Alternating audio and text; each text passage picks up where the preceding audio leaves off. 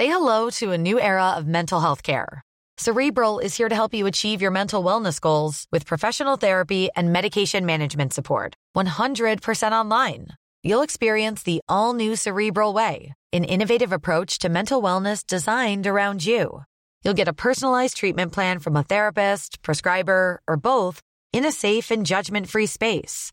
Your cerebral therapist or prescriber will outline a customized plan with clear milestones along the way so you can get to feeling your best. With Cerebral, you're not alone in your mental health journey. We're here to empower you to live a fulfilling life. So take that first step towards a brighter future and sign up today at cerebral.com slash podcast and use code ACasts to get 15% off your first month. Offer only valid on monthly plans. Other exclusions may apply. Offer ends July 31st, 2024. See site for details. Hey, I'm Ryan Reynolds. Recently, I asked Mint Mobile's legal team if big wireless companies are allowed to raise prices due to inflation. They said yes. And then when I asked if raising prices technically violates those onerous two year contracts, they said, What the f are you talking about, you insane Hollywood ass? So to recap, we're cutting the price of Mint Unlimited from $30 a month to just $15 a month. Give it a try at mintmobile.com slash switch. $45 up front for three months plus taxes and fees. Promo rate for new customers for limited time. Unlimited more than 40 gigabytes per month. Slows. Full terms at mintmobile.com. Hej alla fotbollsälskare där ute. Vet ni vad? Vi gör det här tillsammans med Telia och de har ett fantastiskt erbjudande till dig som älskar fotboll. Telia har nämligen ett paket som samlar all fotboll. Och då menar jag just all fotboll. Från Telia, Discovery, TV4 Play och Viaplay för bara 699 kronor. Ni hörde rätt. 699 kronor kan ni få se Premier League, Champions League, Allsvenskan, Bundesliga, La Liga, Serie A. Ja, ni hör de underbaraste och största ligorna där ute och även här på hemmaplan med Allsvenskan. Så för 699 kronor kan ni se all fotboll och som en liten bonus, det är ingen bindningstid. Så du kan börja streama direkt. Mm, ni hör. Att samla sporten smartare. Det är Telia. Nu fortsätter podden. God lyssning.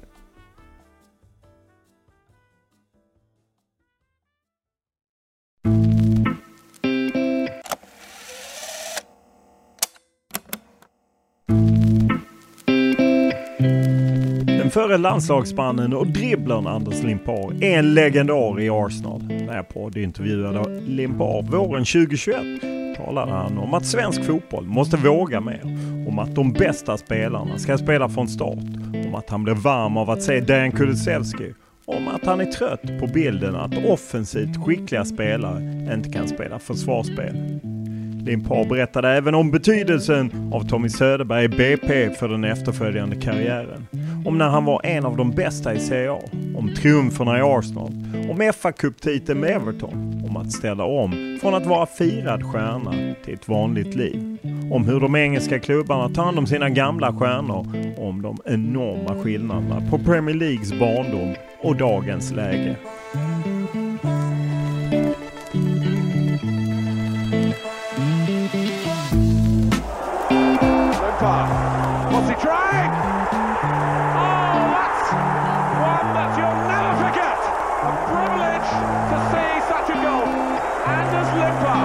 This is Limpar now for Everton. Oh, what a splendid goal by Anders Limpar. Limpar gives Everton the lead with a cracking shot. Here's Limpar, lines it up, finds the net. Arsenal in front. And it's Tony them steep bowl trying to kick him, and they couldn't get near him. It was just so funny watching. What a great player on his day. It was the best I've ever seen. Det är få svenska fotbollsspelare som haft en lika succéartad karriär i England som Anders Limpar. Meritlistan där är lång för The Super Swede från Solna. Engelsk ligamästare, FA-cupvinnare, ligacupvinnare och dessutom vann han cupvinnarcupen. Lägg där till ett SM-guld med AIK 1998 och närmare 60 landskamper för Sverige. Och han har spelat i både OS, EM och VM. Och han var ju med i den där truppen som tog VM-brons 1994. Även om Limpar sedan långt tillbaka slutat spela och även slutat som tränare är han givetvis med och följer det svenska landslaget från såväl läktare som hemma i TV-soffan. Och med en vecka kvar till Sveriges EM-premiär passar vi i dagens podd på att prata om det stundande mästerskapet, om Limpars egna mästerskapserfarenheter, om Janne Anderssons trupp och Limpar, han tycker till om det svenska landslagets spelsätt. Jag har aldrig förstått det där varför man inte spela med de bästa spelarna. Argumentet är ju att oftast att en offensiv spelare kan inte försvara sig. Och då säger man ju anfall är ju bästa försvar, så jag köper inte riktigt det. Men jag är inte heller dumdristig. Eh, ett bra försvarsspel måste man ha, men Kulusevski, han spelar för fan i Juventus. Han kan väl försvara sig. Det är ju inte så att han inte kan försvara sig för att han är en offensiv spelare. Det är ju ren bullshit. Han är liksom en av de bättre i landslaget så att han ska ju var först på, på listan. Inte att han, ska vi sätta honom på bänken eller inte? Det, det är lite typiskt svenskt tänk tyvärr som vi måste ta bort. Vi pratar naturligtvis om Limpars egna landslagskarriär. Om vad som skiljer succé från fiasko i ett mästerskap. Och om känslorna kring VM 1994 när han fick sitta på bänken under i princip hela mästerskapet. Alltså jag var mäkta förbannad. Det hade väl inte gått så långt så att jag skulle dra hem men, men eh, de orden eh, hade man kanske på läpparna. Men eh, det hade man ju inte gjort självklart. Men, men säg den spelare som sitter på bänken som är glad. Den finns ju inte. Och så pratar vi om hur stor den lille liraren Anders Limpar var på sin tid. Där han under sin enda säsong i Serie A blev tredje bästa utländska spelare efter Diego Maradona och Lothar Matthäus. Och i Arsenal och Everton var han med och vann titlar han var verkligen en storstjärna. Men det var andra tider i Premier Leagues barndom och framförallt var det helt andra pengar. Eh, jag räknar ut, eh, för att inte prata om pengar, så tjänar de 60 gånger mer de bästa spelarna i Premier League än vad vi tjänade. Jag hade bäst betalt i Arsenal. Vad är det för skillnad på Ian Wright, Paul Merson och mig kontra eh, Gabriel Jesus, eh, De Bruyne och, och Sterling? Det är exakt samma. Men de tjänar 60 gånger mer. Och förstå mig rätt här nu, vi tjänade ju bra på den tiden. Men om du jämför med dagens pengar så det, det är ju inte ens kaffepengar liksom, eh, mot dagens pengar. Och det är den utvecklingen, det kan du inte vara bitter över. Podden är naturligtvis mer än så här och vi pratar om betydelsen av Brommapojkarna och framförallt Tommy Söderberg som tränare. Om glädjen hos Limpar när han ser en del gamla BP-talanger som han tränat i dagens landslag. Om den tidiga karriären i Schweiz och Italien. Om saknaden av bästa vännen Claes Ingesson. Om tiden efter karriären, om affärssatsningar och spelberoende.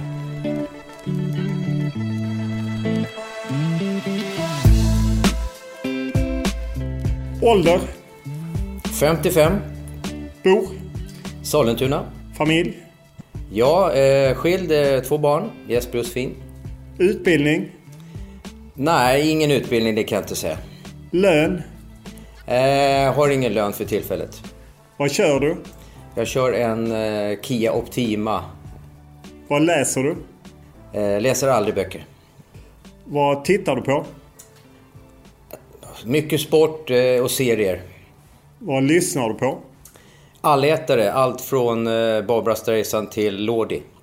Vad eh, spelar du på? Jag spelar på Oddset, det kan man säga, Oddset. Vilken är din största upplevelse i fotbollssammanhang? Ja, det, det, är nog två olika saker måste jag säga. Först är ju VM 94, få vara med i det laget och få eh, kämpa tillsammans och ta en bronsmedalj. Även fast jag inte lirade så mycket så var man ju med i laget och bidrog. Sen att få möta eh, en stor idol som Maradona två gånger på en fotbollsplan, det är... Jag tror det slår eh, väldigt, väldigt mycket. Vad klassar du som din främsta merit? Du har ju vunnit rätt mycket. Min främsta merit eh, måste jag ju ändå säga eh, ligaguldet 91 med Arsenal. Det, då är man bäst över en säsong. Och eh, den säsongen var vi riktigt jäkla bra. Eh, förlorade en match bara borta mot Chelsea. Och det är få förunnat att nästan gå hela vägen in då. Men eh, det var en rekordsäsong eh, upp till 91. Då hade vi eh, släppt in 18 mål bara och det var minst genom alla tider. Men sen kom Ljungberg och Company och tog våra rekord. Vem är den tuffaste du mött? Roy Keane, överlägset. Det var en riktig bus, en riktig hårding på plan. Har du någon tröja som du bytt till dig som du är glad att du har? Ja, jag har två Maradona-tröjor när han spelar i Napoli, hemma och borta. När jag spelar i Cremonese. De, eh, de ger man ju inte bort i, i första taget.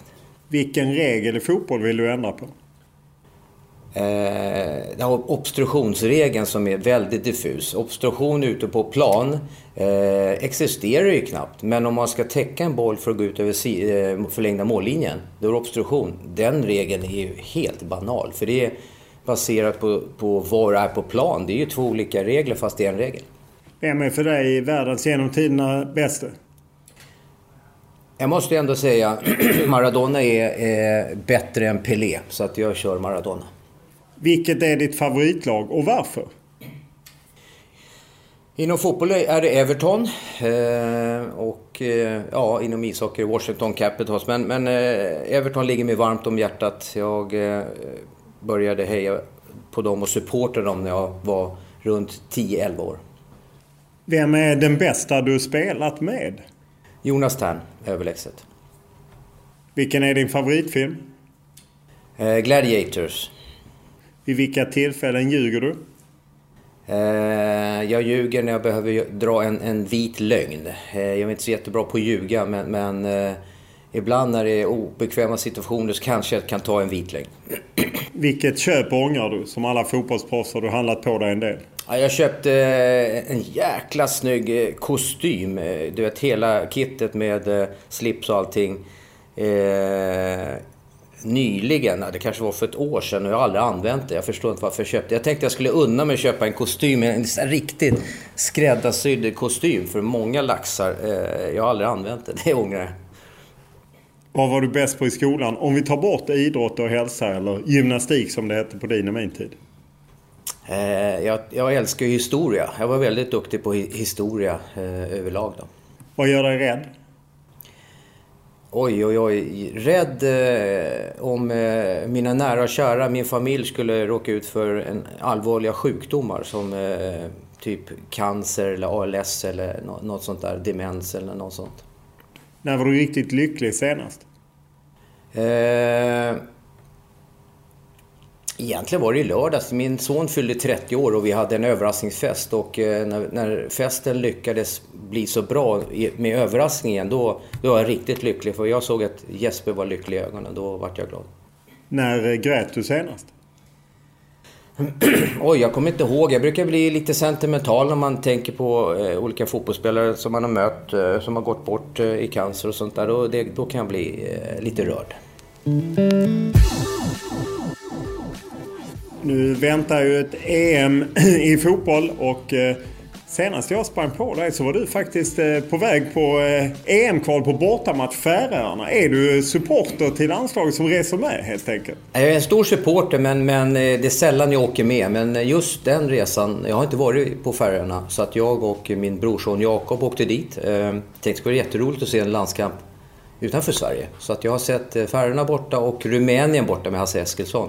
Så att eh, det, det, skulle jag vilja göra om för det är en härlig känsla att, att vara med svenska fans. Ja, hur, hur, är det? För jag menar, du har ju sprungit på plan en massa gånger, eh, gjort eh, närmare 60 landskamper och känt stödet där. Hur är det plötsligt att stå på läktaren? Hur, den förvandlingen? Ja, alltså den är ju faktiskt jäkligt häftigt. Man, man ser ju verkligen hur fans är i motgång och medgång. Eh, Eh, man, man, så fort eh, man slår bort en passning då är det väldigt många som, som gnäller. Och, och eh, vinner man till exempel mot Rumänien borta som är en av de bästa landskamperna som Janne Andersson och Peter har gjort på bortaplan, då ser man lyckan. Alltså vad, vad det betyder så mycket för ett svenskt fotbollsfan. Det trodde inte jag, men när man är på plats och står i den här lyckorusen, det är, det är genuin glädje. Alltså. Känner du också en glädje då? Jag menar du var ju i Rumänien när Sverige ordnade EM-platsen som man nu ska casha in helt enkelt. Kände du samma glädje? Ja, jag kände samma glädje för, för Janne och, och Peter. Uh... Alltså Janne Andersson och Peter Wettergren? Ja, Janne, Andersson, Janne Andersson och Peter Wettergren som eh, jag, jag, känner och har träffat. För jag känner inte så många fotbollsspelare. Jag har träffat Kristoffer Olsson eh, någon gång. Eh, så jag känner inte någon i den här eran. Så att, eh, jag är glad för dem, men mest glad för tränaren när det går bra. Hur går det och eh, du har ju varit med och tagit Sverige till en rad mästerskap. Hur är liksom glädjen på läktaren jämfört med på planen? Det är ju väldigt få som får vara med om det på planen. Betydligt fler på läktaren. Eh, jag kan tycka att det är samma kärlek. Jag vet ju den känslan vi hade när vi vann brons 94. Eh, eller tog ett brons 92. Eh, den glädjen eh, man har i ett lag, den är ju väldigt svårslagen för man drar åt ett gemensamt håll. Men här är en annan sorts glädje som ett, ett fan. Det är ju en, en annan glädje fast det är samma kärlek till fotbollen. Liksom. Vad tror du då inför EM där i Spanien, Polen och Slovakien väntar? Vad kan Sverige göra? Kan man upprepa? Jag menar, nu var man ju inte riktigt som, lika bra som ni var 94 men man tog sig ändå till kvartsfinal. Det bästa resultatet sedan VM 94. Tror du att Sverige kan göra något liknande? Ja, men jag tycker att Sverige har ett, ett bra landslag eh, på gång och vi är för jäkla bra på hemmaplan. Men nu spelar vi ju borta i ett EM-slutspel. Vi har väldigt bra offensiva spelare. Vi har ett bra fungerande spelsätt. Vi har bra målvakt och bra tränare. Så att alla förutsättningar är där för att lyckas i ett EM. Eh, jag vill ju att man tar, som jag berättade för dig, eh, tjuren vid hornen och spelar anfallsfotboll mot Spanien. För annars är man rökt om Spanien ska hålla i bollen. Polen, Slovakien eh, bör man vinna mot om man ska överhuvudtaget komma trea i sin grupp. Eh, självklart de två första går vidare. Men jag ser att man eh, ganska enkelt kan gå vidare från ett gruppspel eh, som grupp två. Eh, om man eh, då konkretisera, för du hann knappt sätta dig förrän du gick frågade mig. Hur hade du formerat anfallet? Hade du haft en Kulusevski, Alexander Isak? Hur hade du formerat det mot Spanien? Eh, ja, alltså genom, eh, genom tiderna så har man ju vunnit med bra fotbollsspelare som eh, kan spela anfall. Självklart ska man ju sätta en defensiv och defensiven har vi ju i Sverige. Men jag är en stor fan att spela med Eh, Emil Forsberg, eh, spela med Kulusevski som forward och spela med eh, Viktor Claesson. Jag tycker inte man ska ställa över någon bra fotbollsspelare för att man ska spela ett defensiv spelstil. Det tror jag inte någon annat land i världen gör mer än Sverige. Och jag har aldrig förstått det där varför man inte spelar med de bästa spelarna. Argumentet är ju att oftast att en offensiv spelare kan inte försvara sig. Och då säger man ju anfall är ju bästa försvar, så jag köper inte riktigt det. Men jag är inte heller dumdristig. Eh, ett bra försvarsspel måste man ha, men Kulusevski, han spelar för fan i Juventus. Han kan väl försvara sig. Det är ju inte så att han inte kan försvara sig för att han är en offensiv spelare. Det är ju ren bullshit. Han är liksom en av de bättre i landslaget så att han ska ju vara först på, på listan. Inte att han, ska vi sätta honom på bänken eller inte? Det, det är lite typiskt svenskt tänk tyvärr som vi måste ta bort. Tror, Känner du att Janne Andersson och Peter Wettergren symboliserar det här lite tänket att lite riskminimera? Hellre ta färre risker för att säkra någonting? Jag kan säga så här. Det är lite, ursäkta, den svenska modellen att vi eh, är lite, eh, inte rädda, men vi vill ha hängslen, vi vill ha eh, alltså alla slags skyddsattiraljer vi, vi kan ha för att eh, vinna en match. Jag tror att vi är lite rädda för att spela anfallsfotboll för att då solar vi oss bakåt så att säga. Men om du tittar på tysk fotboll där liksom 6-7 man anfaller och holländsk fotboll, belgisk fotboll, engelsk fotboll, spansk fotboll. Där, där spelar de bästa spelarna. Så svar på din fråga så tycker jag att de är smarta tränare. De vet ju vilket material de har gentemot mot motståndet. Men jag skulle vilja skruva upp dem lite grann att, att uh, spela mera anfallsfotboll. Uh, för vi har ett sjukt jävla bra lag defensivt. Eh, om du ser på de offensiva spelarna, för plötsligt har ju Jan Andersson rätt mycket att välja på. Vad ser du när du ser en sån som Kulusevski? Alltså jag blir varm i hjärtat att se Kulusevski. Jag, jag är otroligt glad när jag ser Emil Forsberg, vilka fantastiska spelare. Viktor Claesson, eh, Isak, eh, Marcus Berg. Eh, det, alltså det är fantastiska anfallsvapen vi har. Så att eh, jag tycker ju att, att eh, alla de bästa ska spela. Sen har vi ju rollspelare som Sebastian Larsson, vi har Kristoffer Olsson, vi har Gustav Svensson och så vidare som, som eh, är väldigt, väldigt bra på ta ett, ett stort ansvar bakåt. Eh, då måste man kunna ta ett stort ansvar framåt. Det glömmer man bort. Man ska alltid prata om du ska ta ditt ansvar bakåt men vem ska ta ansvaret framåt då? Eh, och göra mål och chansa, skjuta, dribbla och misslyckas och dribbla igen. Det är ett ansvar du måste ta. Eh, likväl som att du tar ditt eh, steg bakåt. Alla i det här laget kan försvara sig, det är inga dumhuvuden. Men alla kan inte anfalla. Men släpp lös eh, de här eh, kalvarna på grönbete så, fan, eh, så får vi spela lite anfall, anfallsfotboll också. Känner du nästan igen dig lite själv att du under din landslagstid var ju den här offensiva som inte alltid passade in och kanske den man bytte ut först. Känner du igen dig själv? Ja, det är därför jag säger det här och jag tycker att det, det, kan vara i viss mån lite fel att tänka så i, gammalt. För att eh, man har alltid genom, i, svensk fotboll säger att ja, men, eh, man måste ta sitt ansvar bakåt. Ja, men det gör ju alla fotbollsspelare. Mer eller mindre är man ju bra på det. Men man pratar aldrig om, fan, han tog sitt ansvar framåt. För det är det är väldigt svårt att vara kreativ i fotboll och det är väldigt lätt att vara destruktiv. Men det tänker man inte på. Utan eh, man kan inte bara försvara sig i en fotbollsmatch och tro att man ska få någon ströchans. Alltså det är lika viktigt, det är det jag vill poängtera, att vara kreativ fotbollsspelare. Och genom åren så har de kreativa fotbollsspelarna varit väldigt lätt att sätta åt sidan. Varför? För att ja, de kan inte försvara sig. Jag, jag, köper inte riktigt eh, den modellen och jag låter som en bitter gubbe. Men... Nej, det gör du inte alls. Det är ju många måste... som, eh, som tycker som du, så strunta i det. Utan det är ju mer... Om du, du som var kreativ, vad betydde det där att, att den osäkerheten på något sätt hängde över dig? Att kan vi spela med Anders Limpar? Eh, eller vi byter ut, nu byter vi, nu liksom, han har inte lyckats med några dribblingar, ut med honom. Vad betyder det som spelare? Det blir ju en slags osäkerhet från tränaren till spelaren. Att, eh, det är ju indirekta signaler till dig Olof. Eh, där de säger att Ah, ah, ah, ah, du får inte dribbla, du får inte bli av med bollen. Det säger man inte ordagrant men det är ju liksom, ligger latent när man eh, pratar om offensiva fotbollsspelare. Att eh, du, får, du måste bolla bollen inom laget, du måste eh, passa säkra passningar. Mm. Ser man eh, fotbollsmatcher, vilka är det som avgör en fotbollsmatch? Det är ett bra defensivt spel och det är bra offensiva kvaliteter. Så att ta inte bort de offensiva kvaliteterna från offensiva spelare, för de tar sitt ansvar framåt.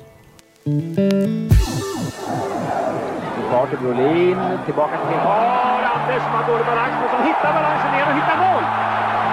Snabbt, snabbt spel av Limpar, Brolin, Limpar. Ja, mycket skickligt och det är de här två stjärnorna som gör det här helt underbart. Limpar sätter fart. Bra! Ja! Har ni sett? Det är 1-0! Vilket skott! Anders Limpar gör mål för Sverige. Ja, den satt där han skulle den nu. Va? Ja, härligt. Underbart mål. Eh, och man ser, du har ju varit med en, en mängd mästerskap. Du var ju med VM 90 eh, med Olle Nordin när det inte gick så bra. Du var med i EM 92 där det blev semifinaler och även då VM 94 även om du inte spelar så mycket. Vad skiljer ett mästerskap som lyckas och ett mästerskap som inte lyckas? Vad är det som vad är det för beståndsdelar som gjorde att äh, det inte gick 1990 men det gick 92-94? Jag fick äran att vara med i OS där också, 88 i Seoul. Vi kom till en kvartsfinal, det var eh, sju minuter från eh, medaljerna. Eh, jag kan säga så här, jag har fått frågan förut. Vi var lika bra 90 som 94 med unga och gamla eh, fotbollsspelare. Mixen, bra tränare och så vidare. Du får rätta mig om jag har fel här men, men när vi eh, har 1-1 mot Costa Rica då var det färre lag på den tiden. Då var vi, tror jag, i slutspel, en kvartsfinal. Ja, det stämmer. Ja. När slutsignalen går, då är vi näst sist i VM. Det är ju, det är ju små marginaler. Små marginaler för VM 94-laget är ju självklart om vi skulle eh, förlorat första matchen som vi mycket väl kunde ha gjort mot Kamerun. Eller mot, eh, jo, ja, förlåt, mot Kamerun som det var 2-2. Det är väldigt små marginaler eh, i fotboll, eh, eller i alla idrotter egentligen. Vi hade inte marginalerna med oss i 90, men det hade vi 94. Jag tycker att vi var i stort sett lika bra som lag, med en bra mix och bra fotbollsspel.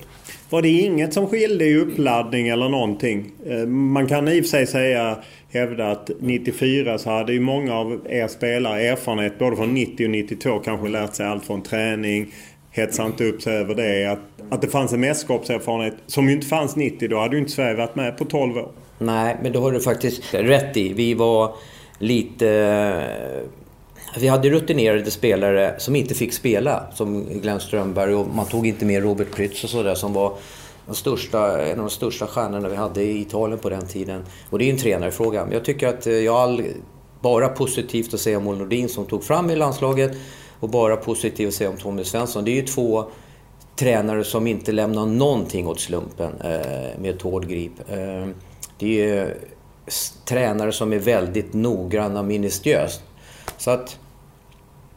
Eh, jag, jag tycker att eh, det, det, är så jäkla små marginaler som, som eh, avgör om man ska gå vidare eller åka ut i ett VM-slutspel. Alltså, och det, hänger ju lite på tränaren. Då, då kanske man blir lite för defensiv i, inom svensk ledarskap.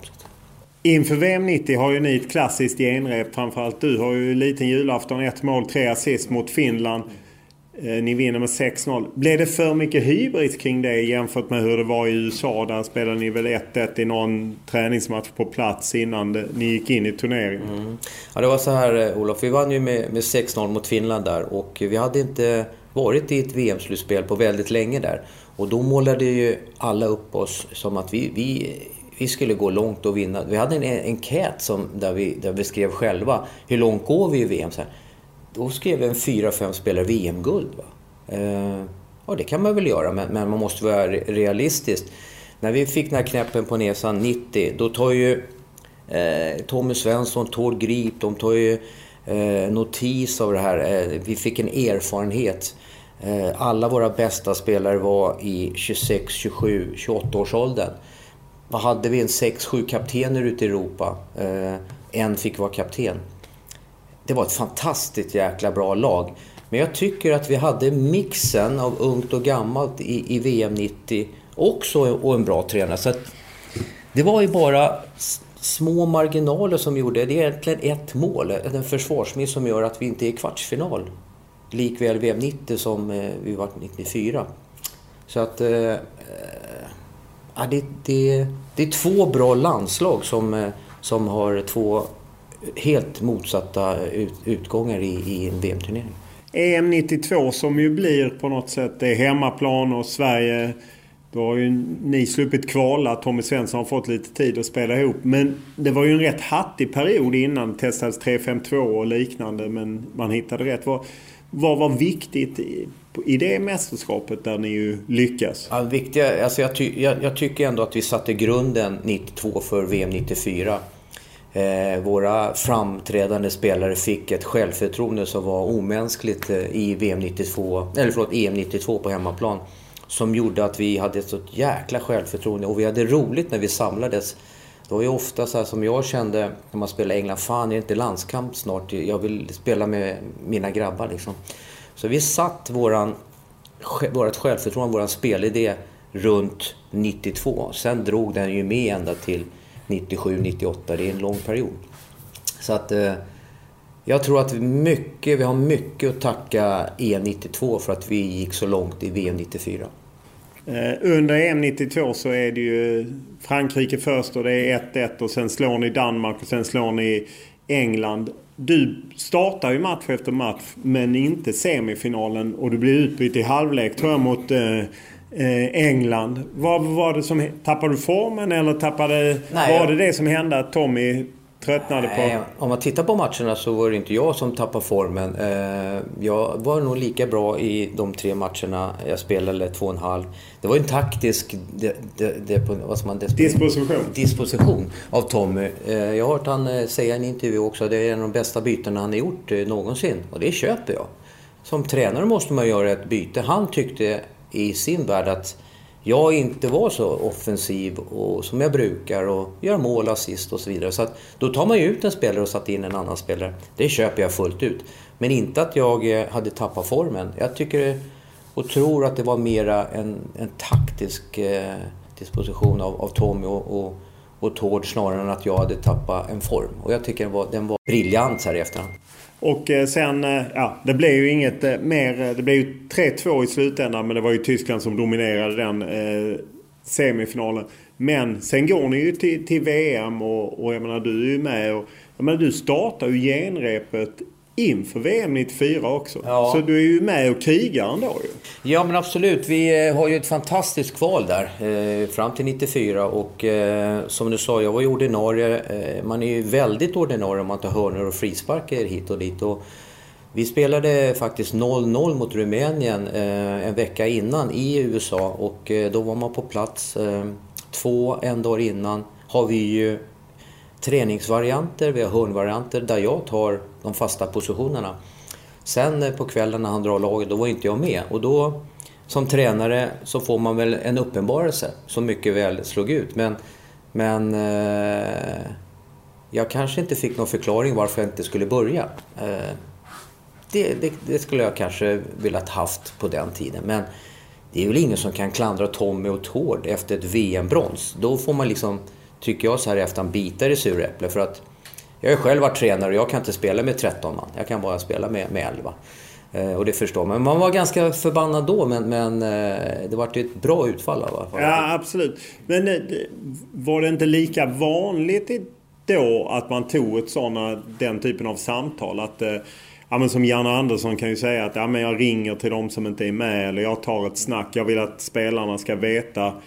Och så får de vara besvikna idag. De får startelvan och sen imorgon ska de vara taggade. Ja. Oavsett om de spelar eller är på bänken. Jag tror att eh, vilken position du har i laget och som ledare tycker jag att man ska prata med alla spelare och vad psykologi. Tittar man på det här VMet det är en enormt massa förändringar. Det är inte bara min position att jag inte startar.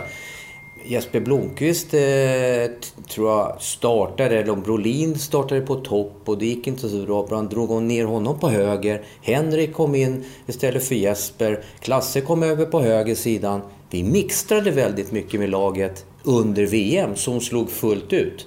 Eh, det kunde väl om, om oturen varit framme, slagit åt fel håll. Men det var ju inte så att vi hade tränat in att Brolin skulle vara på höger. Han var ju forward.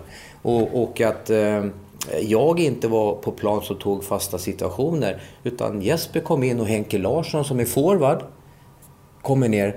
Eh, jag tror inte att Patrik Andersson började va? Jo, det gjorde han. Men han var väldigt svag. Ja, okej. Okay, Men... men eh, ja. Patrik och Jocke Björklund startade ja. och så Roger Ljung och Rolle Nilsson. Men det var dit jag tänkte komma. För att Janne Eriksson var ju ordinarie ja. och drog eh, bak, eller förlåt, framsidan av låret och han skulle spela.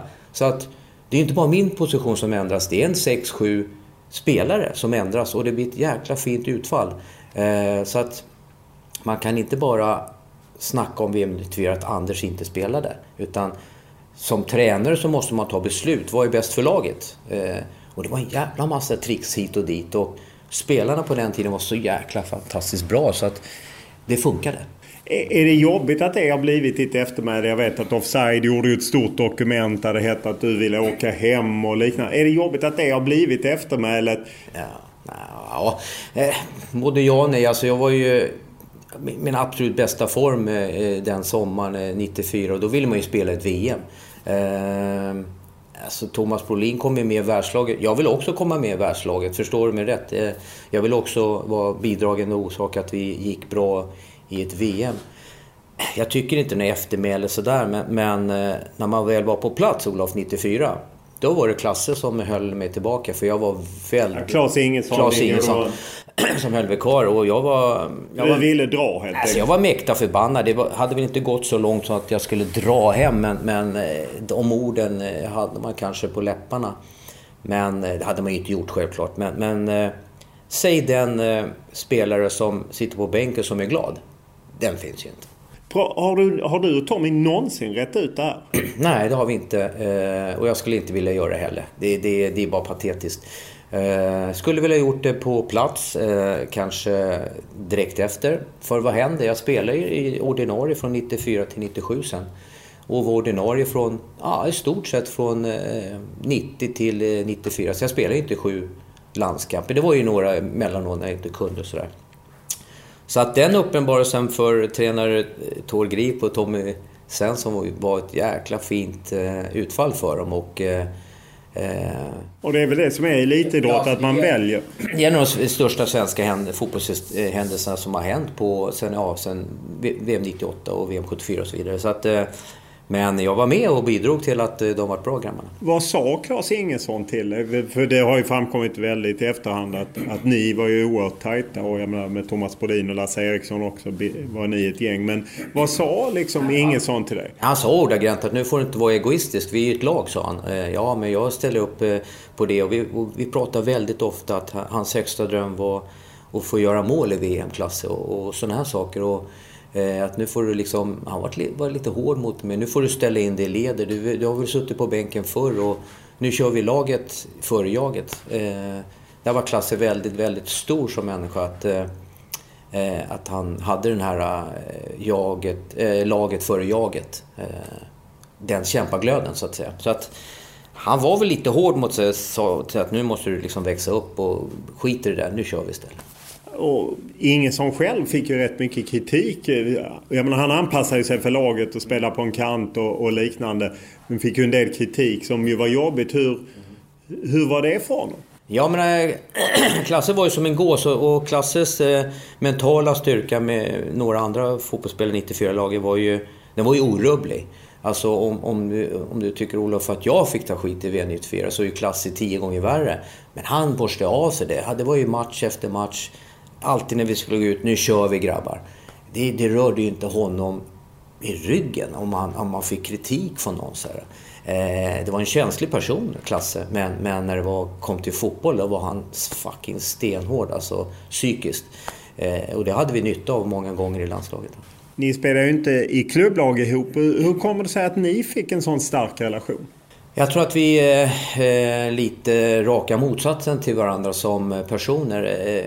Första gången man, jag spelade med Klasse, jag kommer inte riktigt ihåg vilken landskamp, men då ska man ju dela rum med någon. Och då var det så här att typ eh, Klasse och Anders, kan ni dela rum? Eh, ja, ska vi? Ja, Klasse, absolut. Fick en nyckel och sen jag är väldigt eh, pratglad, jag har energi, eh, pratar för mycket, eh, säger dumma saker, jag tänker inte efter mycket när jag, alltså när jag säger... Klasse är väldigt omtänksam om människor, det är jag också. Men, men jag menar att han, han kanske inte säger saker eh, ut i hasten utan att tänka efter. Så att vi gick, det var en bra kemi. Jag pratade som fan, han var, var den sakliga som höll, höll mig tillbaka.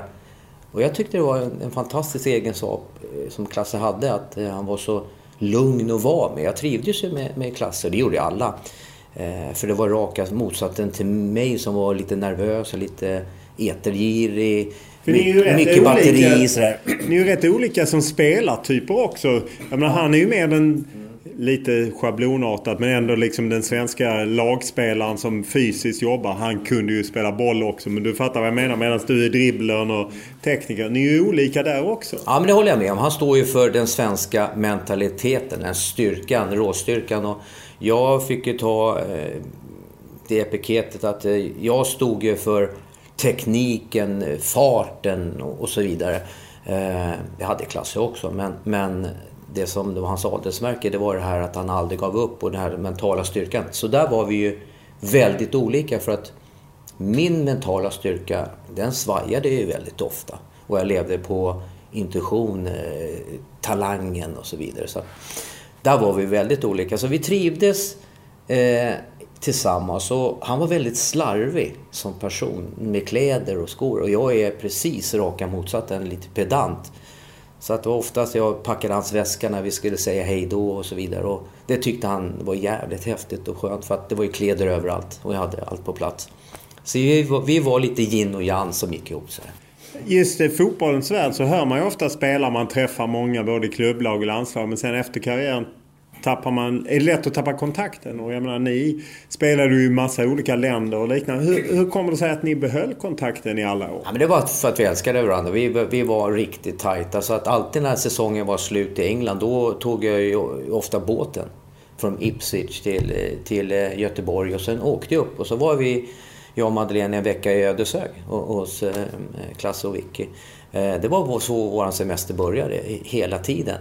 Eh, och eh, sen när han var och spelade i Sheffield, då var vi... Jag var över hos honom väldigt mycket i Sheffield. Det är ganska nära mellan Liverpool och, och, och Sheffield. Och han var hos mig, så att vi var... Vi behöll den här kontakten eh, även eh, efter karriären. Eh, och eh, han ringde till mig och frågade ofta eh, vad han tyckte om vissa lag när han tränade Elfsborg och såna grejer. Och kan du åka och titta på den matchen och få lite feedback. Så att eh, jag hjälpte honom på det sättet också. Och vi, vi alltså, det är en genuint fin eh, kompis. Hur ofta har du honom i tankarna idag? Ja, jag har han här så att... Eh, ja, han sitter tatuerad Tatuerat på högerarmen så att han är med jämt. Ja. Ja, är, han är ju saknad av många helt enkelt. För han var en speciell person, det måste man säga.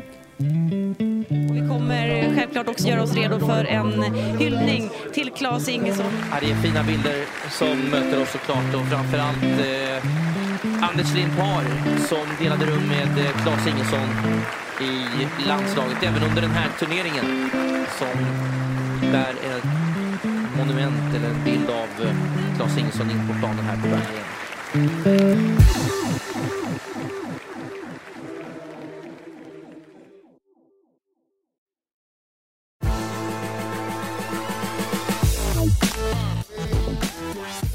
Du eh, kom ju, eller din pappa kom ju från Ungern till Sverige. Fanns det någonting av det som finns idag? Att spelare kan välja landslag? Jag menar, ni var mycket i Ungern på somrarna och spelade fotboll. Fanns den diskussionen ens uppe liksom? Nej, den, eh, den fanns nog aldrig. Jag är ju i och för sig född i Sverige som ungrare. För min pappa fick eh, svenskt medborgarskap 66 från 50, 60, 60 tog, tog 10 år. Då var jag svensk medborgare. Men det var ju aldrig på min eh, agenda att jag skulle bli, spela i ungerska landslaget. Jag hade ju spelat i pojklandslaget, juniorlandslaget, U21, typ såna B-lagsmatcher och så A-lag. Nej, så att eh, det, det, fanns aldrig på mina läppar att jag skulle spela i, i ungerska länder. Förstår du diskussionen som dyker upp idag? Jag menar, fler spelare kan ju, jag menar, ha rötterna. De är ju precis som du födda i Sverige och har liksom spelat hela vägen. Men plötsligt har man en väg till att det kan vara ett annat landslag där man ju kan ha känslor eh, som jag gissar att du också har för Ungern via din pappa, eller? Ja men absolut. Jag tycker ju att eh, den eh, vägen, eller det alternativet är skitbra att ha de som har valt den här vägen, de är oftast inte en startspelare i landslaget eller precis eh, kommer med i en trupp eller inte. Och då väljer man Kosovo eller eh, vad det nu än är och så vidare. Jag, köpt, jag tycker att det, det är en ypperlig eh, ja, sak att kunna ta till när, när man inte platsar i ett landslag. Så att det, det köper jag. Tror du att att du med din spelartyp eh, och liksom din kreativitet, tror du hade haft lättare i dagens fotboll än vad du hade slutet på 80-talet, början på 90-talet i svensk fotboll? Definitivt inte i landslaget, för vi har ju inte förändrats ett dugg egentligen från 74 till eh, 2021. Det är ju samma spelstil. Det är 4-4-2. Eh, hårt jobbande, bra fotbollsspelare. Eh, I klubblag, ja. Jag har ju spelat på gamla goda sin Arsenal där det var hit, hit channel och eh, från högerbacken upp till forward och så slå så mycket inlägg som möjligt. Tittar man på Manchester City nu eller Barcelona som börjar med det här tiki-taka eh, så skulle ju det spelet ha passat mig bättre. Men utfallet, det vet jag fan om det hade blivit bättre. Det, det vet jag inte. Du är ju fostrad i, i Brommapojkarna och det finns ju berättelser om hur mycket Tommy Söderberg betyder för dig. Att han, han förstod dig, vilket alla inte gjorde. Hur, hur betydelsefullt är det just att ha en tränare som står bakom en när man är mer kreativ dribbler och kanske bryter av mot systemet? Mm. Det, det betyder 100% Olof. Det är A och O. När en tränare ska göra så med alla spelare. Det är inte bara en problemmakare. Utan det, det ska ju även ta till, med sin lagkapten. Då är man ju stor ledare. Tommy Söderberg var en sån ledare. Han tog lilla strulpojken Anders som var 15 år. Han tog Kent Svensson, 32 bast, kapten, kexet. Eh, och allt däremellan. Han såg ju personen i alla. Så att jag kan inte komma ihåg att vi har suttit och pratat om fotboll någon gång, jag och Tommy. Utan det var om själva livet. Han kunde ta mig efter en träning och säga hur, hur mår flickvännen? Eller hur mår mamma och pappa? Vad gjorde du på fritiden? Hur går du i skolan? Och så vidare. Han ville känna mig som person. Fotboll, det kunde jag. Det behövde inte han lära mig, tyckte han. Så att eh, han har betytt oerhört mycket för den sociala kompetensen eh, som människa. Och jag tror att Tommy trodde på den här tesen att trivdes du som människa med honom, då var du en bra fotbollsspelare. Och så var ju Många säger det att man trivdes med Tommy för att han brydde sig. Och den ledarskapen tycker jag att många tränare ska ta med sig. Länge hette det ju att Brommapojkarna, visst de hade stor ungdomsverksamhet men fick inte fram så många spelare egentligen. Länge var det ju bara du. Hur känner du nu när man ser det är Albin Ekdal, det är Ludde Augustinsson, det är Kristoffer Nordfeldt, Dejan Kulusevski. Att det plötsligt är det många BP-spelare i landslaget. Jag är inte förvånad. Jag har ju fått den stora äran att träna till eh, junior eh, allsvenska laget med Kim Bergstrand. Vi hade 85 till 89 där vi fick fram eh, hur många fotbollsspelare som helst i, i, eh, till allsvensk fotboll.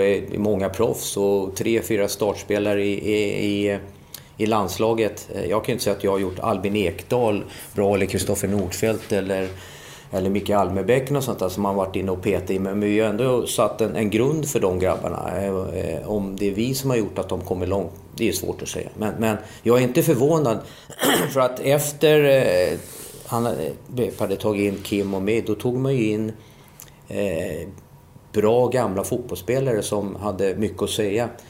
Och vi är en så stor förening Brommapojkar så det vore ju konstigt om vi inte får fram talanger. Det sprutar ju fram talanger. Eh, så på den frågan är jag inte förvånad eh, alls. Det, hur det, hur det är finns känslan många... när du ser en svensk startelva med Albin Ekdal som du har jobbat med eller med andra spelare du har jobbat det, det är också, Det är för mig en skönare känsla att se att Kristoffer eh, Nordfeldt gör en fantastisk räddning och eh, Albin Ekdal eh, gör en bra landskamp och spelar i, i Sampdoria. Eh, kontra Micke Almebäck är duktig i Örebro eller, eller vad det nu är. Jocke Runnemo eh, gör mål och så vidare. Det är en fantastisk känsla och nästan lite skönare än sin egen känsla att man varit med och bidrog lite i de här grabbarna. Jag tycker det är en härlig känsla. Du går ju från BP till Örgryte som då är, det kan ju låta konstigt kanske idag, men då hade de ju precis vunnit SM-guld, och ska spela in mot Europacupen och så. Hur, hur resonerade du när du valde ÖIS där? Ja men det var så att jag eh, eh ville mogna som människa och komma bort från Stockholmsfotbollen eh, och allt vad det innebär. Så att eh, jag fick ett bra förslag av, av Örgryte och eh, det var ju den Nisse Lidholm som jag satt och pratade med väldigt mycket som eh, övertalade mig att komma dit. Eh, det var inte så svårt, vi var svenska mästare. Förlåt, var det Agnes Simonsson? Nej, Nisse Lidholm säger jag. Förlåt. Agnes Simonsson. Jag ber om ursäkt. Ja, det är lugnt. Agnes Simonsson som jag satt och, och pratade med länge och väl och fick över mig eh, dit. Ehm, också att vi var svenska mästare 85 och få spela i Europacupen, det var ju, bidrog ju. Ehm, så jag tänkte jag provar vingarna där nere och Agne var var en bra psykolog och en bra tränare för mig där nere. Vad, hur utvecklades de åren som du var i, i Örgryte och spelade i Allsvenskan för dem? Ja, jag tycker att jag hade en, en bra stegande kurva där. Eh, och eh, Agne hjälpte ju mig. Eh, han kände ju då nu det här Nisse Lidholm, så jag fick ju åka och träna med Milan eh, en månad. Jag var nere hos Janne Svensson i Eintracht Frankfurt. Jag fick åka till Dan Corneliusson i, i Como. Så jag hade väldigt, väldigt mycket kött på benen när jag spelade Allsvenskan. November till december, då, då åkte jag till Como, Eintracht Frankfurt. Jag åkte till eh, Milan. Jag visste hur det var att vara proffs innan jag var proffs. Så det var ju min skola och det har jag att tacka de här eh, fantastiska människorna som gjorde att jag fick komma till de här eh, lagen. Jag var och provspelade för Liverpool 87, där det inte vart någonting på grund av att jag inte fick något arbetstillstånd. Annars hade jag spelat Liverpool från 87 till 90. Det var ju, kan man flika in, mycket svårare då att få arbetstillstånd. Och du var tvungen att ha tio landskamper, jag hade tre. Ja, men, det var ju också begränsade utlänningar. Ofta hade man ju bara tre utlänningar, till exempel i Italien och så. Men jag hade ett, ett avtal liggande framför Kennedy Eglers på tre år, men det, det ville inte. Men jag hade ju en enorm erfarenhet innan jag tog mitt första steg för Young Boys i Schweiz. Jag hade ju full kontroll på vad det innebär att vara, eh, i den hårda mentaliteten och vara proffs. Så det var en bra skolning för mig med, med bra ledare som hjälpte mig. Du går just till Young Boys Schweiz som ju var idag inte lika vanligt men då var ju det en väldigt vanlig väg för svenska spelare att gå i Schweiz. Jag vet inte om det var agenten Dieter Langans som öppnade den porten eller om det var Tord Grip eller vad det var. Men många gick ju den vägen, eller hur? Ja, och eh, Hasse Holmqvist. Eh, först var det Robert Prytz som var gudaförklarad där. Hasse Holmqvist. Men jag tror när Hasse Holmqvist skulle gå till Verona så var han nästan tvungen att ersätta med en svensk. Det är ju, det är ju storyn. Och, eh, vad finns det för någon bra svensk? Ja, men eh, du kan inte gå till Verona om du inte får någon bra svensk. Då, då kom jag till Young Boys och då kunde han gå till Verona. Det var någon sån slags deal där. Och, eh, men du är inte där länge för du sätter ju bra fart på karriären. och Kommer till Serie A.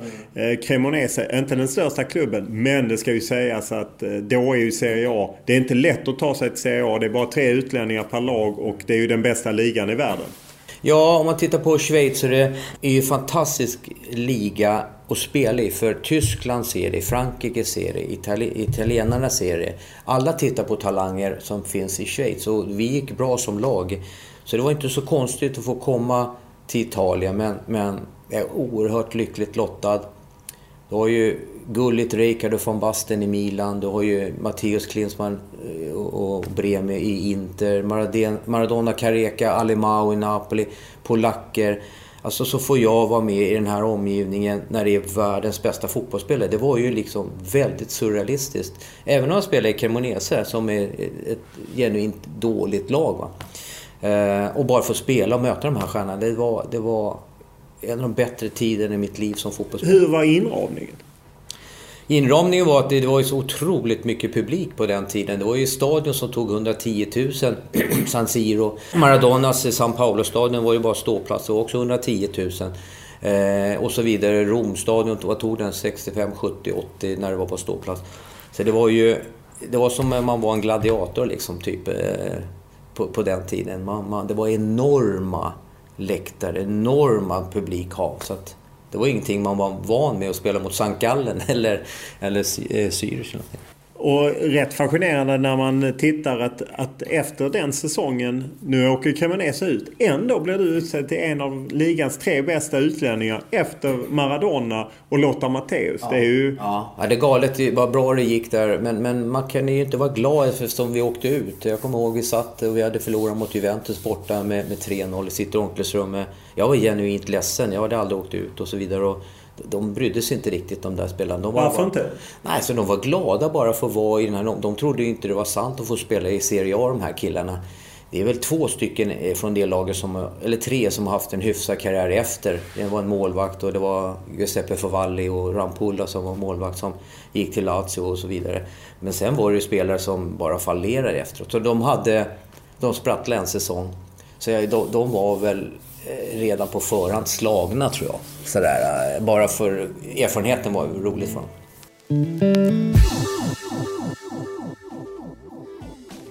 Here's Limpar for Arsenal. Merson in the middle, making ground. Still Limpar. It's a great run. It's there. Anders Limpar. Arsenal typically are right back in it at a stroke. Just look at that.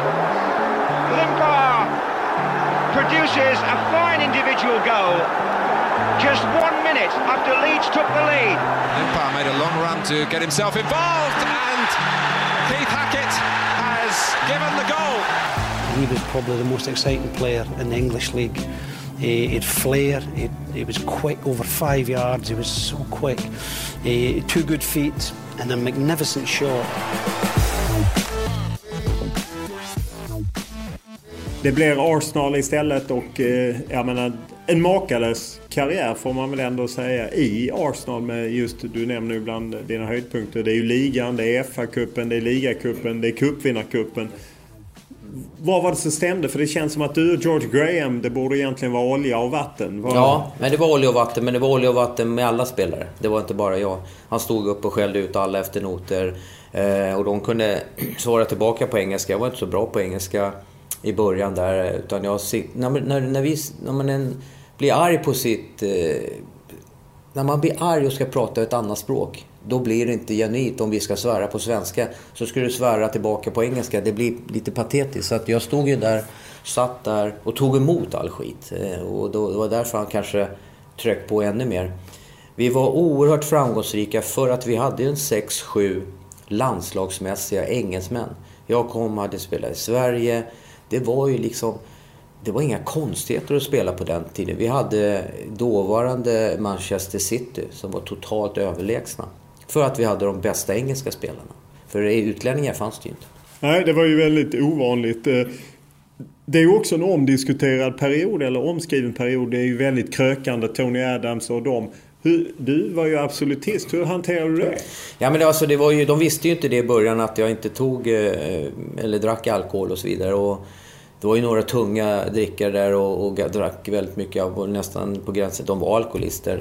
Eh, I början så fattade de inte riktigt att jag inte drack. Utan, men det vart ju en acceptans från spelarna när det gick så bra för laget. Jag gjorde ju lite, lite, lite mål i början där. Och, och då, då var det så att jag, vad fan, eh, han får väl göra som han vill. Eh, vi respekterade det. Jag fick kola eller vatten och de tog sina pints med öl. Det var väldigt genuint eh, respekt därifrån. Hur mycket, för ibland kan man ju uppleva att, nu har ju Premier League ändrat så mycket utlänningar, men då i början kunde man ju ifrågasätta utländska spelare. Nu levererar ju du, vad var det, 13 mål och 24 assist första säsongen. Men mm. kände du någon gång att du var ifrågasatt? Nej, eh, jag måste sätta mig själv på en pedestal och säga jag har aldrig ifrågasatt i pressen eh, någonsin i Arsenal eh, 90 till 94. Snarare att varför eh, spelade jag inte de sista tre månaderna 94. Eh, då kritiserade de George Graham istället. Men då var det den tesen att numera kan du skriva ett nytt avtal när du har två år kvar för att du är rädd för Bosman och sånt där. Det fanns ju inte då liksom och, och eh, där var det tränaren som, som eh, hade sista ordet. Och hade du ett fyraårsavtal, ja då hade du det. Det var inte något snack om att du ska skriva nytt när det var två år kvar för att säkra dig och så vidare. Det var ju inte spelarens marknad, den kom ju sen. Vad, vad tjänade du i veckan? Minns du det? Nej, för fan. Det var, det var inte mycket. Jag kan väl säga så här att eh, jag räknar ut, eh, för att inte prata om pengar, så tjänar de 60 gånger mer de bästa spelarna i Premier League än vad vi tjänade. Jag hade bäst betalt i Arsenal. För att inte nämna några siffror. Så, så tjänar de 60 gånger mer. För att vad är det för skillnad på Ian Wright, Paul Merson och mig kontra eh, Gabriel Jesus, eh, De Bruyne och, och Sterling? Det är exakt samma. Men de tjänar 60 gånger mer. Hur eh, känns det? Nej, men det är ju tiderna. Jag menar, och förstå mig rätt här nu, vi tjänade ju bra på den tiden. Men om du jämför med dagens pengar så det, det är ju inte ens kaffepengar liksom, eh, mot dagens pengar. Och det är den utvecklingen, det kan du inte vara bitter över. Kunde man ana det? För du är ju ändå där när man drar igång Premier League eh, hösten 92 och det börjar. Kunde man ana den utveckling som har varit med tv-rättigheter och allt? Nej, inte då utan det kom 97. Eh, då jag hade jag precis eh, lämnat eh, för att åka hem till AIK. Jesper var sju år, ville få in honom i skola. Då kom pengarna, 97. 95 kom Klinsman in och jag tänkte vad fan, Klinsman i, i Premier League, eller Barclays League som det heter, det är ju inte möjligt. Sen kom alla stora stjärnor när Sky pumpade in pengar från eh, 97-98 där. Så de som har spelat på 2000-talet i engelsk fotboll, de är ju multimiljonärer. Eh, med all rätt, för det är ju ändå en, en, eh, en artisteri som, som att vara skådespelare eller musiker. Eh, det säger jag ingenting om, men, men det, var, det var ju från noll, lönerna accelererade från noll till hundra. Bara över en, två säsonger. Kan du också reflektera över att om, om du hade varit den stjärna du var då, nu, så hade du ju varit mycket större i Sverige. Jag menar med media, hur man ja. sände matcher. Serie A visades ju knappt när du spelade där. Premier League såg vi tipslördag november till mars innan det liksom det luckrades ju upp och började visas mer efterhand. Men, och jag menar du var den andra svensk som vann ligan i England. Du hade ju fått ett helt annat genomslag idag. Ja, men alltså det, på våran tid eh, var det Bernt Rosqvist på DN som skrev Anders var dålig idag eller Anders var bra idag. Det var ingen jävel som kunde se matcherna och så vidare. Och jag eh, tävlar med Mark Hughes. Mark Hughes från Manchester, vem som ska bli årets spelare. Det är jag eller han som vinner priset. Mark Hughes vann, jag kom tvåa.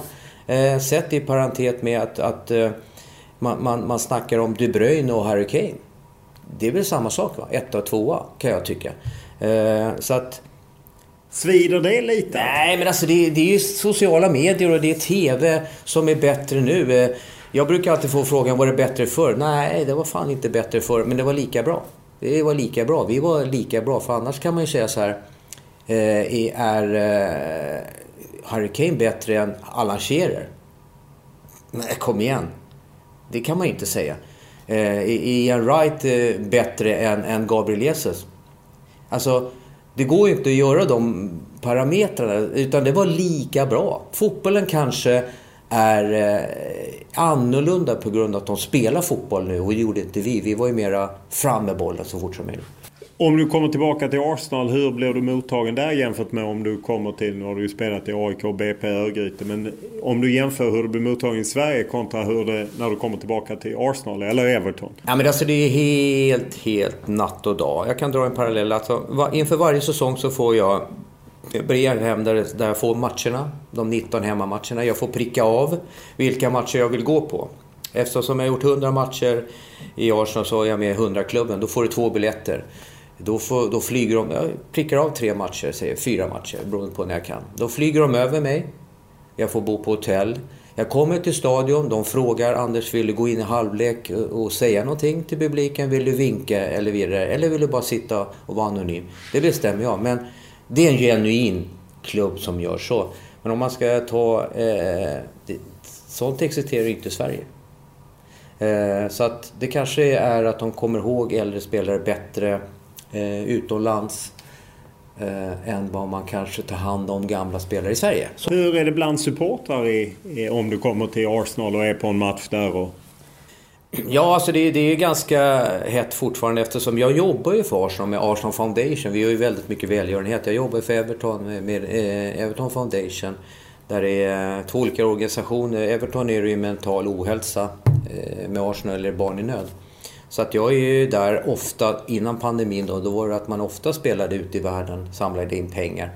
Så att eh, jag har ju spelat ett par gånger på Emirates och det är som på gamla goda tider. de verkligen uppskattar vad man har gjort för den gamla eran när det inte var så pengar. Vi byggde ju Arsenal och de innan oss och Ljungberg efter mig. Man har ju byggt Arsenal hela vägen, Stefan Schwarz och, och så vidare, Rami Shaban och allihopa. Eh, så det är en genuin kärlek att de tycker att fan, har du varit en Arsenal-spelare så har du varit med och byggt eh, den långa, alltså deras klubbmärke så att säga. Det är de stolta för. Liksom. Vad känner du när du säger Arsenal idag som ju har det rätt tungt? Jag tycker det, det känns bra. Jag fick frågan så här eh, för några dagar sedan. Vad, vad, tycker du fattas? Ja, men jag tycker det fattas en ledare. Eh, en Patrick Vieira-typ ledare som, eh, som kapten. Sen fattas det en mittback. Sen tycker jag att de har det mesta. De har en bra tränare.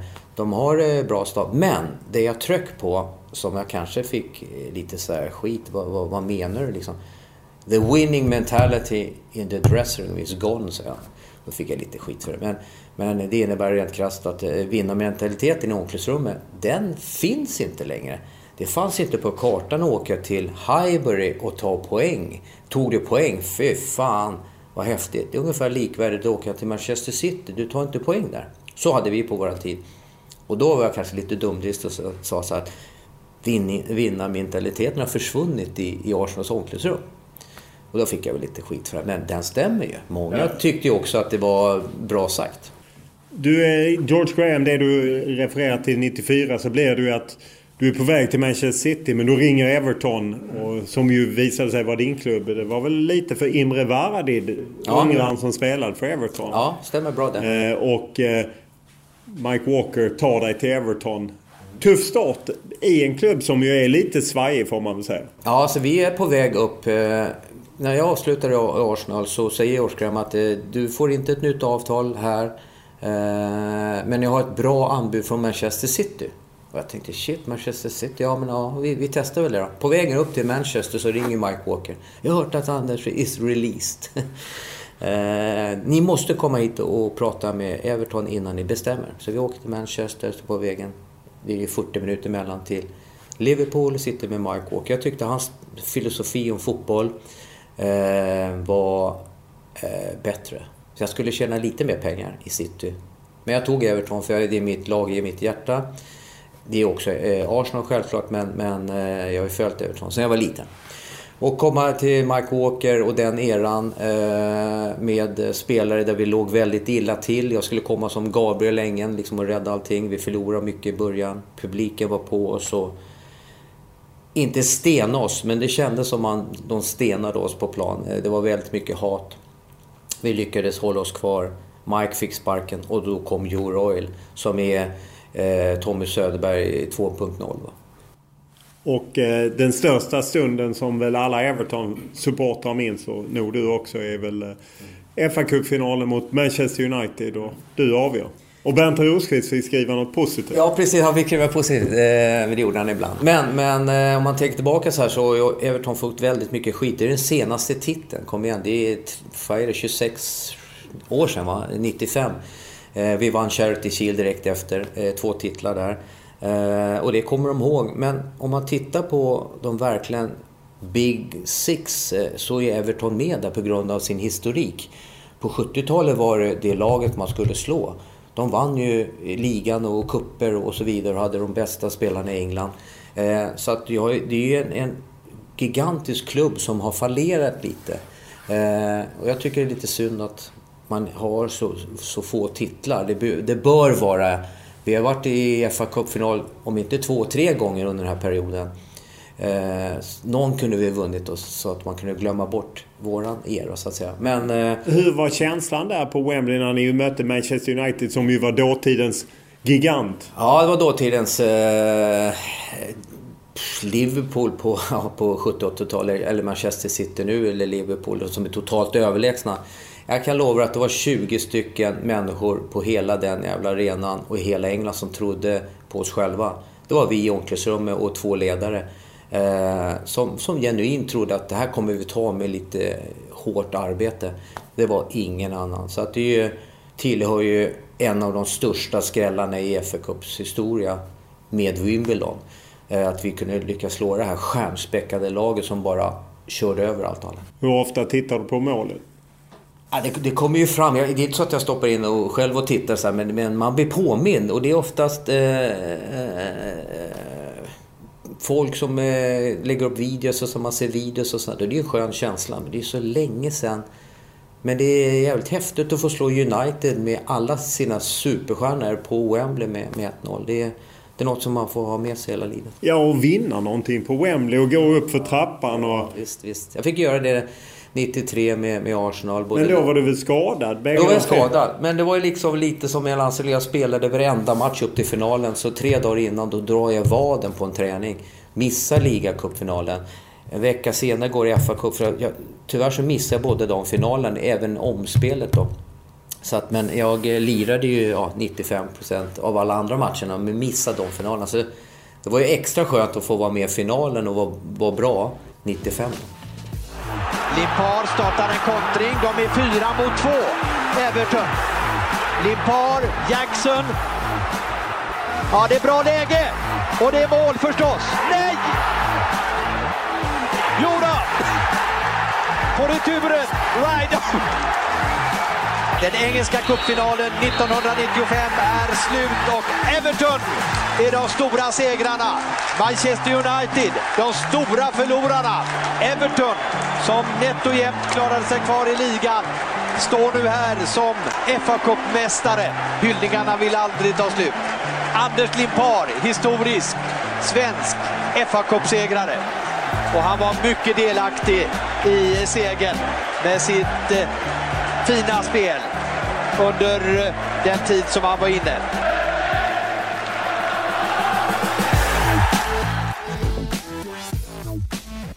Du vänder ju hemåt eh, till, eh, till AIK eh, på slutet Everton, det blir Birmingham och sen blev det hem till AIK och är ju med och vinner någonting. Hur, hur viktigt var det att göra ett avtryck i svensk fotboll? Ja men absolut, det var väldigt viktigt för, för mig. Jag är ju genuin aik jag är född i Solna.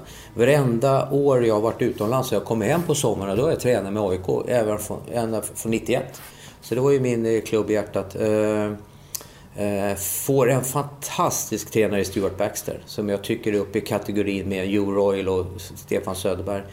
Eh, förlåt, eh, Tommy Söder, Söderberg. Eh, han var väldigt bra för mig för han kom in med det här engelska som jag kom från. Du vet, han ställde krav på spelarna. Och jag tror att eh, de här storheterna som vi hade eh, innerst inne, Johan Mjällby, Krille Nordin, eh, Micke Brundin, eh, eh Eh, Thomas Lagerlöf, alla de där bra, de bra vinnarskallarna, eh, Tom Antonelius, jag kan nämna alla. Eh, de ty vi tyckte nog om det här innerst inne att eh, det var fan lite jävlar namna. Så att det passade karaktären i AIK på den tiden. Så att vi vann Svensk cupguld. Eh, så vann vi Allsvenskan 98 där. Har du någon kontakt med fotbollen idag? Jag vet att du har varit tränare i Sollentuna United och så, men vad är kontakten idag?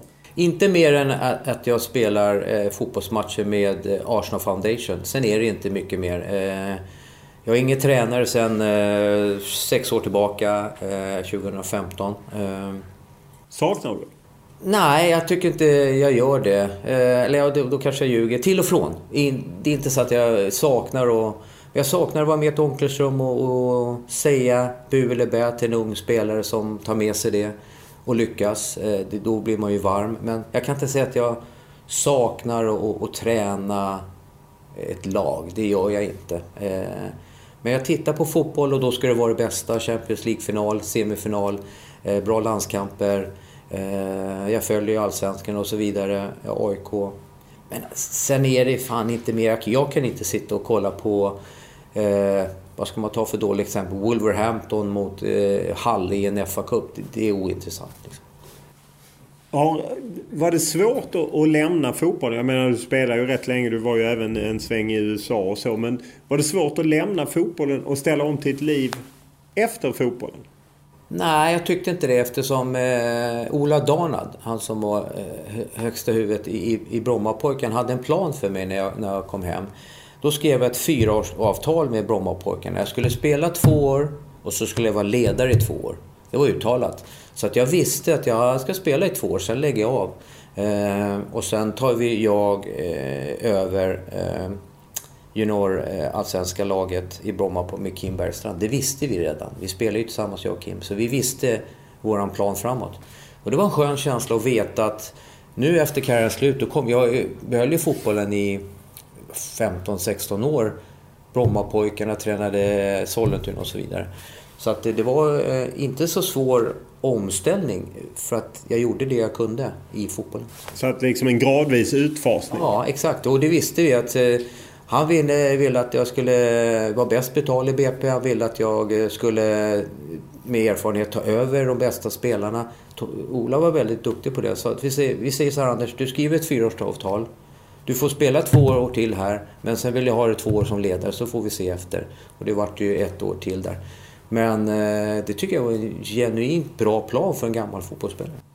Då och då har man ju läst om olika affärssatsningar de har ju gjort som kanske inte tagit fart. Och du drev ju en spelbutik borta åt Odenplan och så. Hur, hur var det liksom att, att gå in och, och knega och Ja, parallellt så hade man ju olika business. Jag har inget problem. Jag är en arbetsmyra. Jag är en, ar en arbetsmyra hellre än, än uh, hålla i saker och ting. Det har jag vänner som gör med bolag och så vidare. Dan Sandgren bland annat.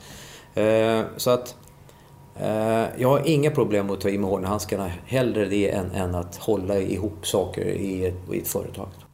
Eh, just spel som är så närbesläktat. Eh, jag läste någonstans att du sa att det blev lite mycket spel själv när du hade en spelbutik. Var det så att det var svårt att kontrollera? Ja, det är det ju absolut. Jag, jag kan erkänna att jag hade ett spelberoende när jag hade butiken. Det var lätt. Det var ju inga fysiska pengar. Man skrev upp bara och sen eh, la man i pengar när det, när det fattades.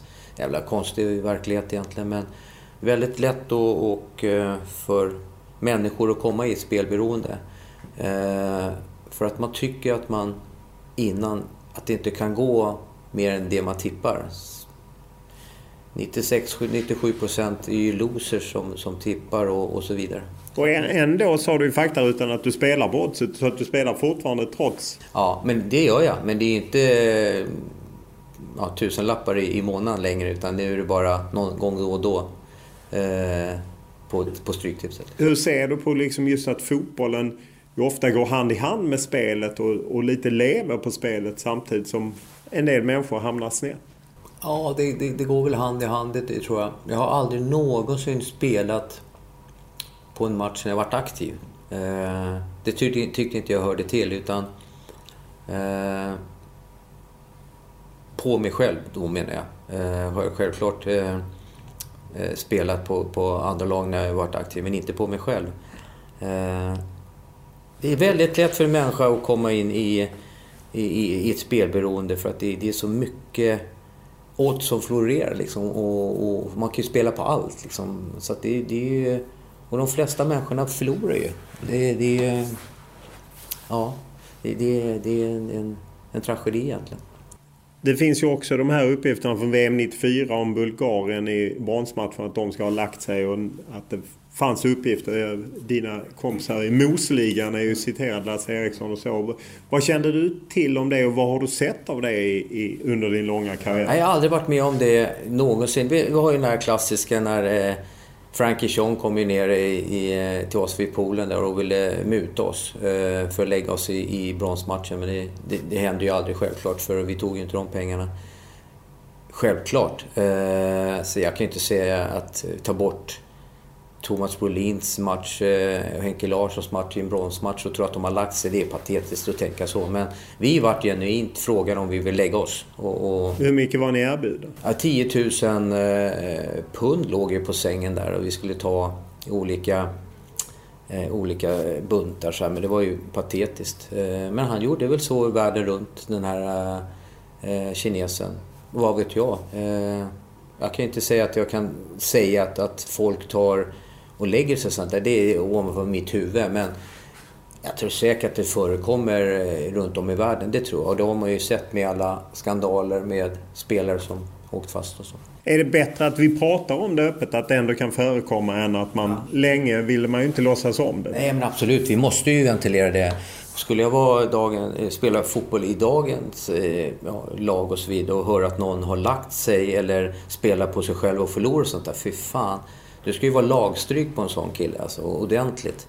Man drar ju åt samma håll för att vinna, då kan man inte ta pengar för sin egen del för att förlora. Det gör ju kanske några, vad vet jag. Men onekligen gör de det eftersom det har varit rättegångar om eh, spelfusk då, då, eller hur? Och då, då, då existerar det ju tyvärr. Och det, det är tragiskt. Stort tack för att du tog dig tid. Ja, men vad roligt. Tack själv, Tack.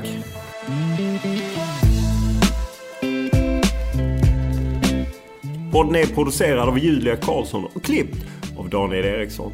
Vi tar gärna emot era tankar, synpunkter, idéer och önskemål. Ja, vad det nu må vara. Enklast är att mejla mig olof.lund.tv4.se eller skriva till mig på Instagram eller Twitter och då är det Olof Lund som gäller i ett ord. Stort tack för den här veckan!